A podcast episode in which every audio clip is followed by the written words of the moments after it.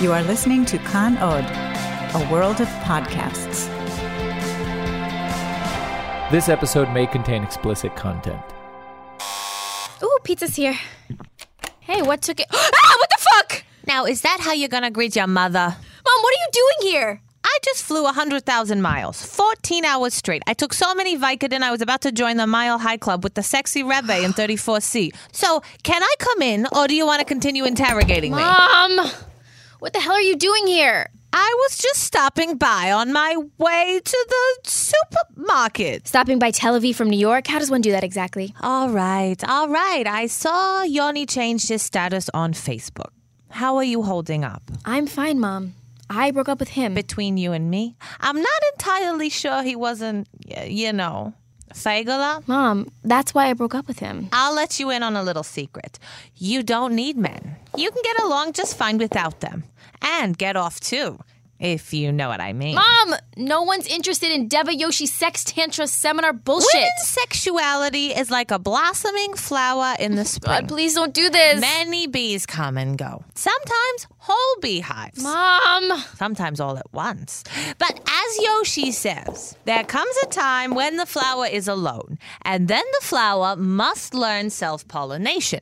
I'm talking about masturbation. Jesus fucking Christ, Mom, I know. Can you just stop though? I brought some of my old toys. What the fuck? I'll give you a quick run through, and then you do with it what you want. Okay? No, not okay. Take this one, for example. Mom! Hold on, don't get too excited yet. You haven't seen all the modes. Turn it off!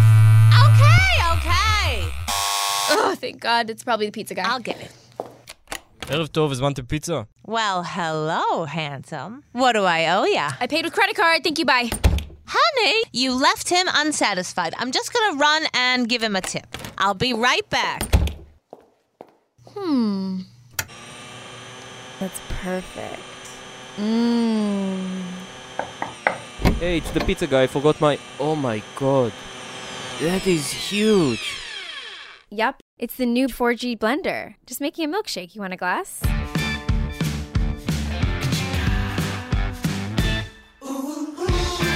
Hi, I'm Eitan Weinstein, And I'm Naor Meningher. aka Two Nice Jewish Boys, and this is the Melting Podcast, a show about what it's like to become an Israeli. Okay, so the big question, Noel. Yeah. Should parents talk to their kids about sex? Look, that's a question that's been haunting parents for generations. Because on one hand, you don't want your kids to be completely ignorant as they embark on the act. The act. But on the other hand, it's awkward as a motherfucker, and you want to die. That's why I think that like it could be a good protocol to talk to your kids about sex as if you're talking to your dog. You know what I mean? No, what do you mean? Okay, Fluffy, we got to talk about sex.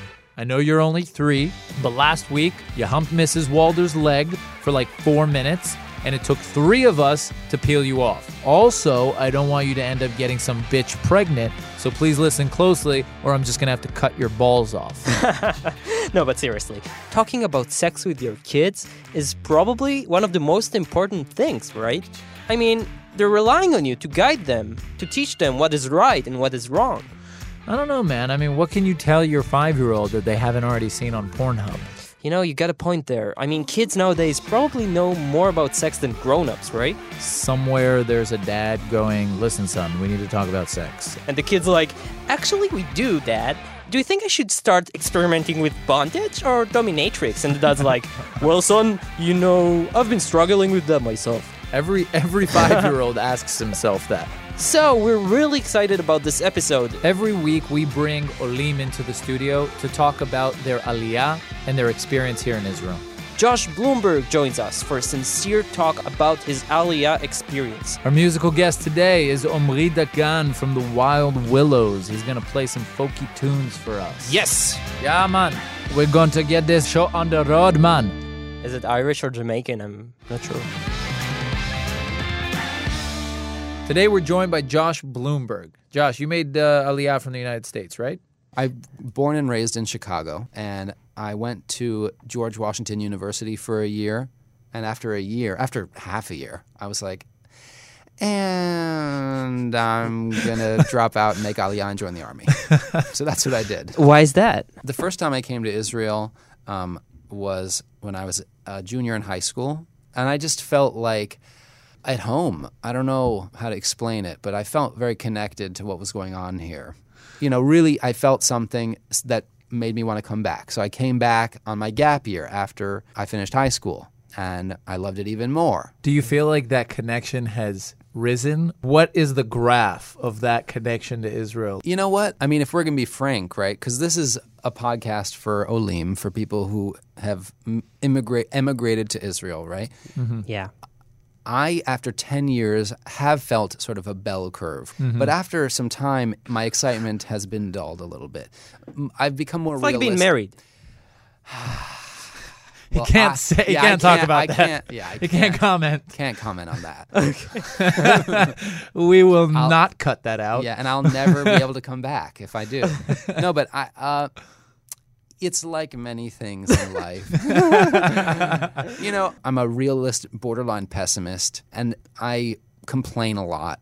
But I think I'm a very Israeli ole. I have a lot of friends who are olim who still stay in their own bubbles, who you know, their Hebrew isn't great. And yet, even though I've integrated pretty well, I still feel very American. But that's natural, isn't it? I mean, well, it it's not for you. You grew up here, right? Well, but my father didn't, okay. and it it takes time. I mean, Okay. now my grandparents are here 40 years and they actually lived here more than they lived in Romania and now they they finally feel Israelis.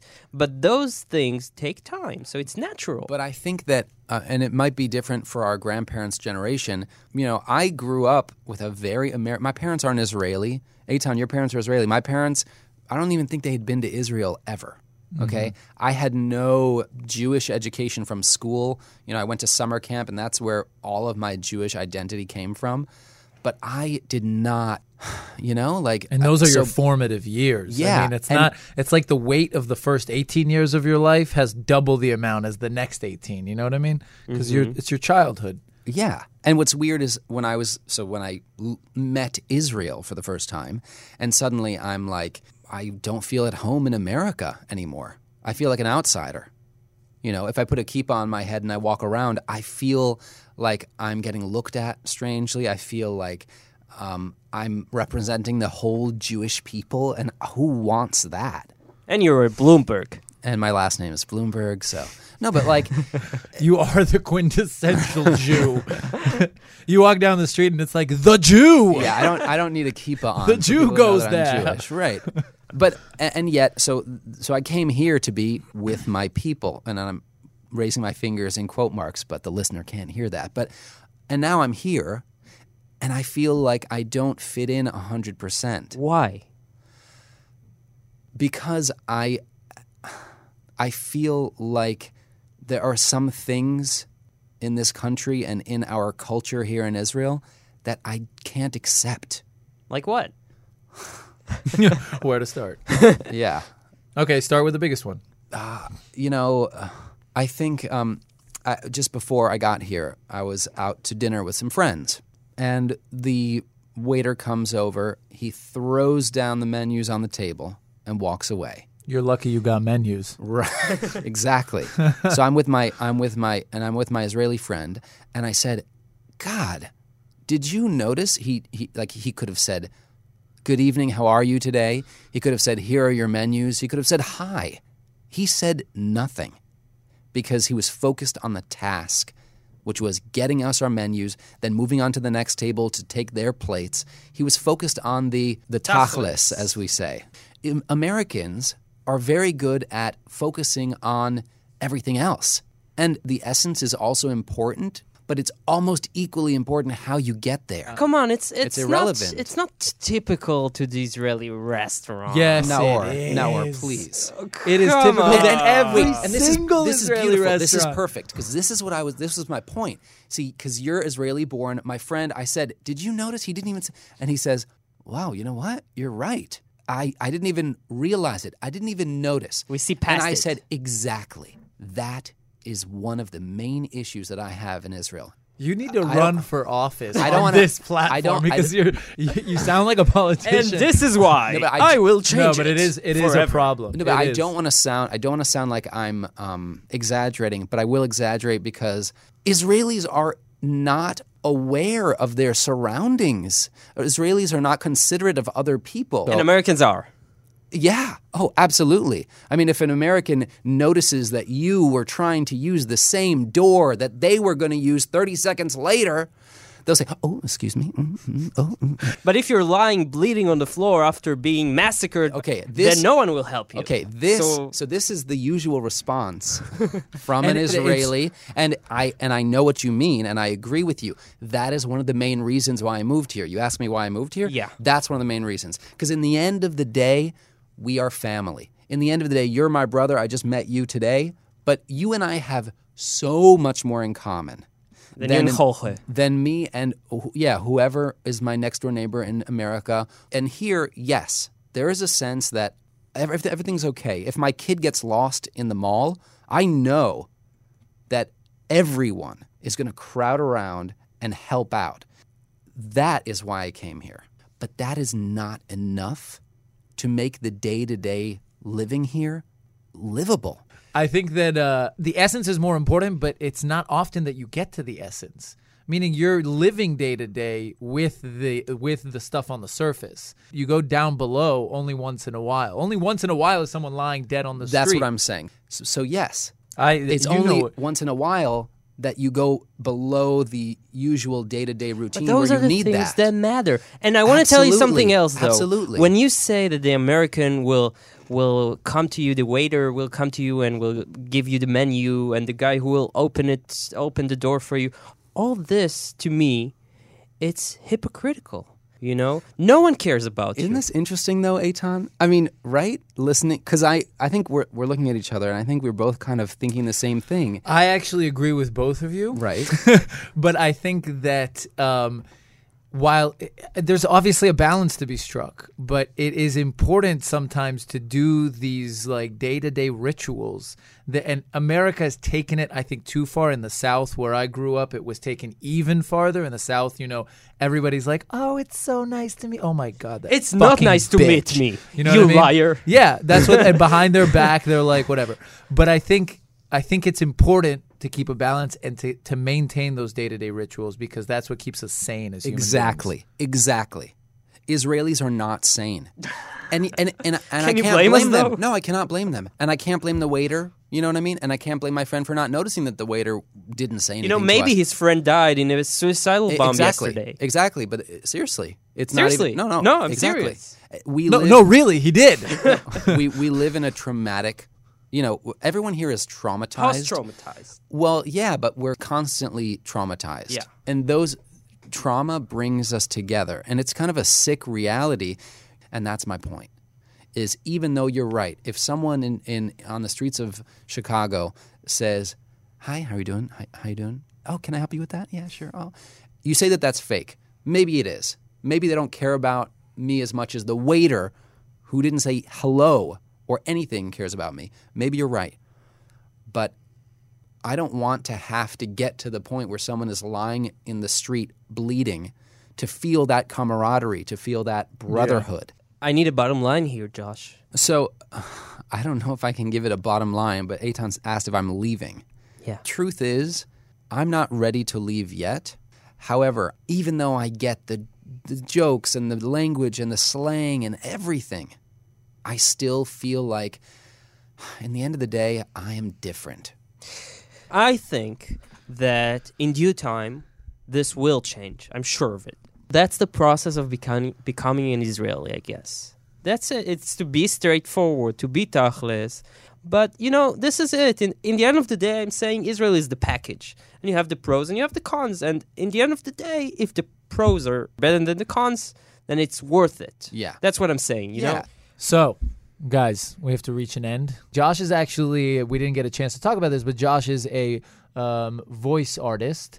Um, he records audiobooks and he does dubbing for animated movies and cartoons. He's been on a Netflix series, Yeah, right? Yeah, yeah. And anyway, the guy is talented. He's got a lot on his resume. Check him out on Facebook, um, Josh Bloomberg, and look him up online and search for his books on Audible. And yeah. and Josh, uh, thank you so much. Good luck in the kibbutz, Thank you. and uh, see you around. Revealing the ignorance. We are here once again. It's a segment that is called Revealing the Ignorance. A glorious segment in which I, Naor, the Israeli, the local, unlike Explain to a baffled, befuddled, puzzled Eitan the basics of, of being an of Israeli. being an Israeli. And today I have a question for you. yes. So, your first obligation, your first duty, your first and last duty as a citizen of a state, of a democratic state, is to vote. Right. Now, in the States, it's a long process. You have to, I mean, it's not a long process, but in the States, you have to register to vote. Once every four years, you go to uh, the voting booths. Right. And you uh, place a vote for the President of the United States. And there's tons of other check boxes that you, you know, for this whatever. So, my question to you is how does it work here? Well, here, actually, uh, as an Israeli, you have the right to vote in, in three uh, different elections. So, the Knesset is one. The Knesset is one. The second is for the municipality every five years. And the third, you can vote in the primaries and affect the list that would run to the Knesset. Tell me about the Knesset elections. How did that work? Okay, so the Knesset elections, according to the law, it should take place every four and a half years. Because it's Israel, it never happens. So basically, in average, every two to three years, we go and we vote for the Knesset. And this happens because we're a parliamentary system that Yeah. actually can fall apart. Right, inherited to us by the Brits. And so and so it's a parliamentary system in which you vote only for a party. You vote in one note, you put it in the envelope, you vote for the party. And the party that has the most chances to form a coalition with a majority in the Knesset of 61 seats out of 120, the president gives that party the mandate to try and form a coalition. Anyway, you vote for a party. The party's leader is the nominee to be the prime minister, basically. So You don't have to register here like you do in nothing. the States. if you have an ID, you go and you vote. but you do get a slip in the mail before the elections, which uh, designates your voting uh, center where you have to go in order to vote. Okay, so what about the uh, municipal elections? So they take place every five years. In Israel, the mayor affects your life in, in so many different ways that if you want to improve your life, this is a, a, a tremendous chance that you get to vote. The voting rate for municipality elections in Israel is like between 30 to 40%. Your power is Unbelievable. unbelievable as a voter. Okay. So go and vote so when's the next city elections in Tel Aviv? in one year. In one year, October. 2018. Yes, if you want to vote for the municipal elections, you have to be registered for at least several months uh, as a citizen of the city. So if you're not a citizen of the city in which you want to vote, go to the Misrad Pnim and Mm-hmm. change your address. It's extremely important. And these are the municipal elections across Israel. meaning Across Israel. Haifa, Jerusalem, wherever you're from. Yes. two- October 2018. Yes, every five years. Okay, so what about these last elections you said, primary elections? So those are very interesting. Let's take the Likud party, for example. Each uh, citizen of Israel can be a member of a party, but only one party. It's illegal to be a, a member of two. Okay? Mm. So becoming a member of a party, it's super cheap. It's like 50, 60 shekels a year. And you get the right to vote in the primaries, meaning that you can get to vote who's the chairman of the party. Right now it's Bibi in the Likud and Gabbay in the Labour Party, but you can vote otherwise and overthrow potentially either Bibi or any other leader of a party. And also, you get to decide who are the future members of Knesset. Your power there is actually stronger than in the general elections. It's 50 times, 100 times stronger. Wait a second. So, can you be a member of one party and vote in their primaries and then vote for a different party in the general election? Oh, sure. I mean, you're expected to be a member of a party that you identify with its uh, agenda. But all in all, you can be a member of the Likud party and vote for Habayit Yehudi or vice versa. It doesn't obligate you for the general elections. So we strongly rec- recommend that you become a member of a party and affect its future. And vote in the primaries and then vote in the general elections and also vote in municipal. Vote every time you can, basically, because that is your way to influence.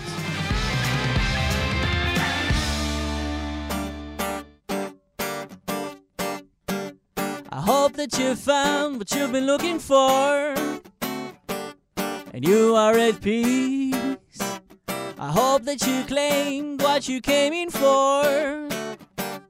And you are ready. Oh, babe, go on your way. And if you lose it, follow the path of your dreams.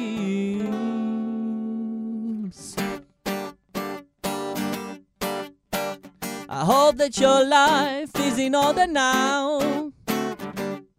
All has been cleared. I hope that your smile keeps you high enough and draws off the tears. Oh, babe, go on your way. And if you lose it, follow the path of your dreams.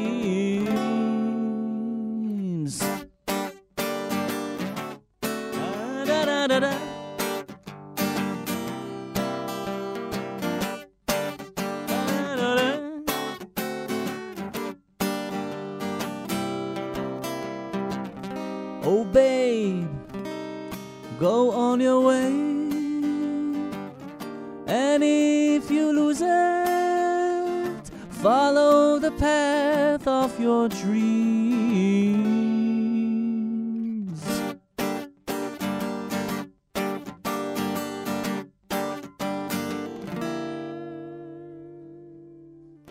Follow the path of your dreams. Yeah.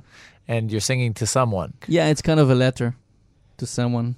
Okay. That you chose to share with the entire universe. Yeah, of course, but nobody knows who it's from, and uh, who it's, you you know who it's from, but no, you don't know the address. So, Yeah. But it's obviously someone you loved.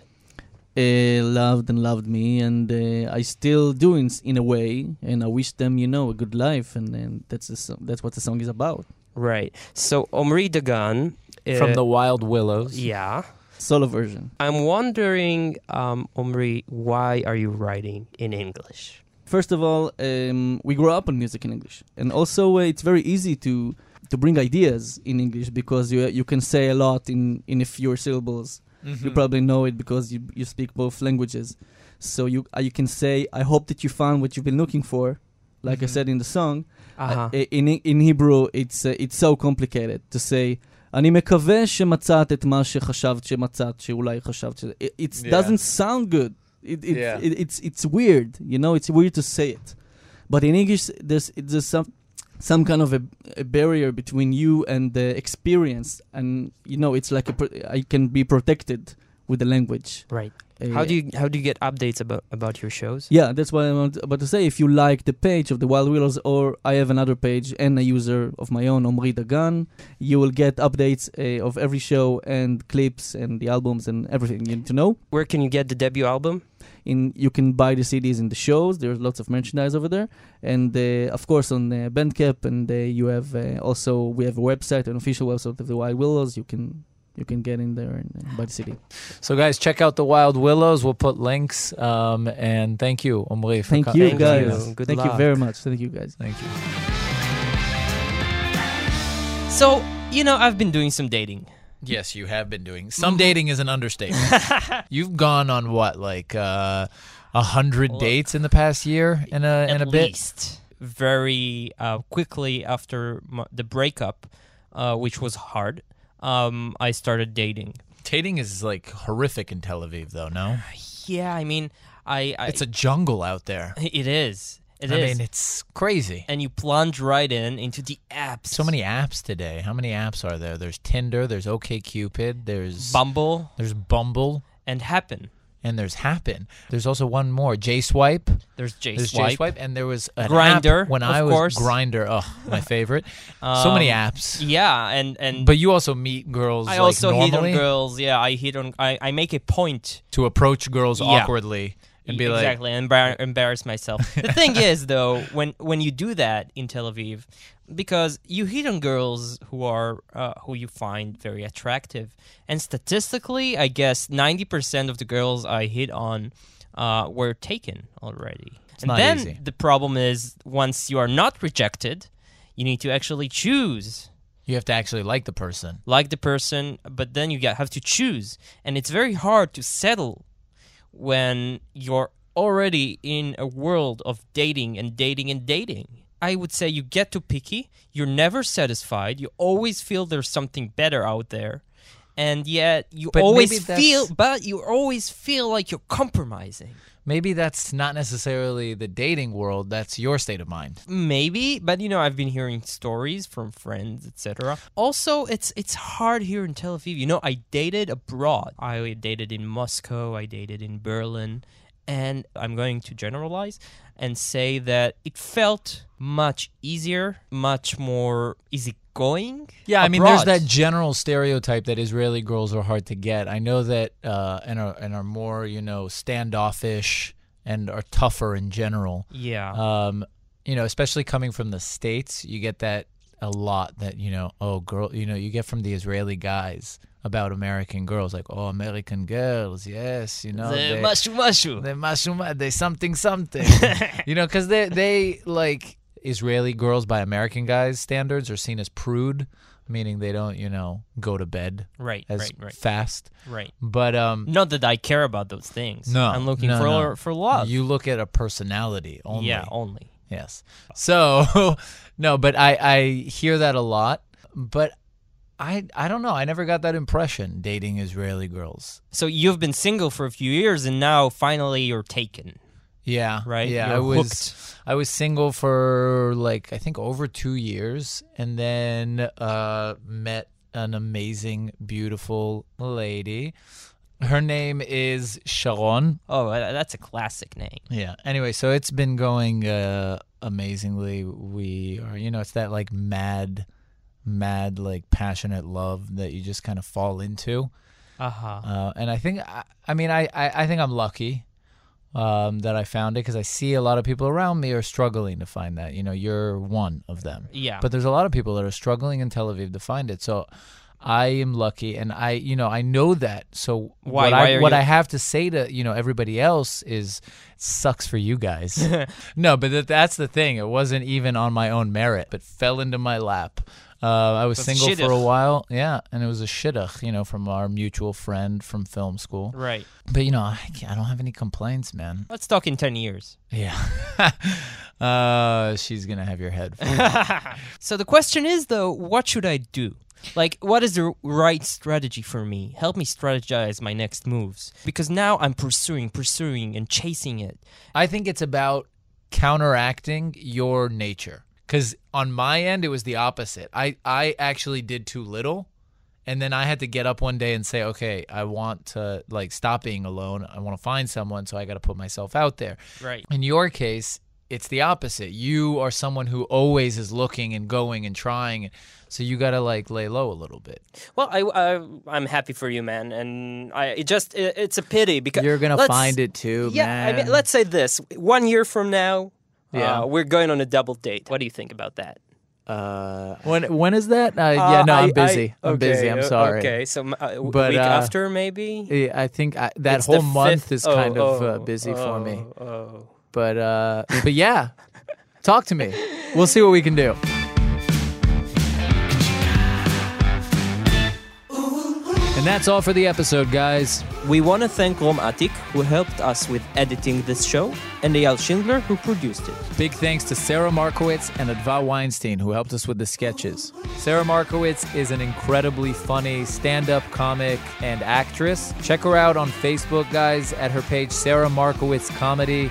Adva Weinstein, as you guys probably guessed, is my sister, and she is an incredible performance artist and actress. You can find her on Facebook, Adva Weinstein. Follow her and keep up with what she's doing. If you have comments, thoughts, or hate mail, you can find us on social media. Two Nice Jewish Boys on Facebook, Twitter, and Instagram. Guys, if you speak Hebrew or you want to improve your Hebrew, you gotta check out Kan's Hebrew podcast. They're producing a bunch of them. For example, if you like economics, check out Chayot Kis, Pocket Animals, a podcast about the Israeli economy. Check them out at kan.org.il forward slash podcast. See you next time.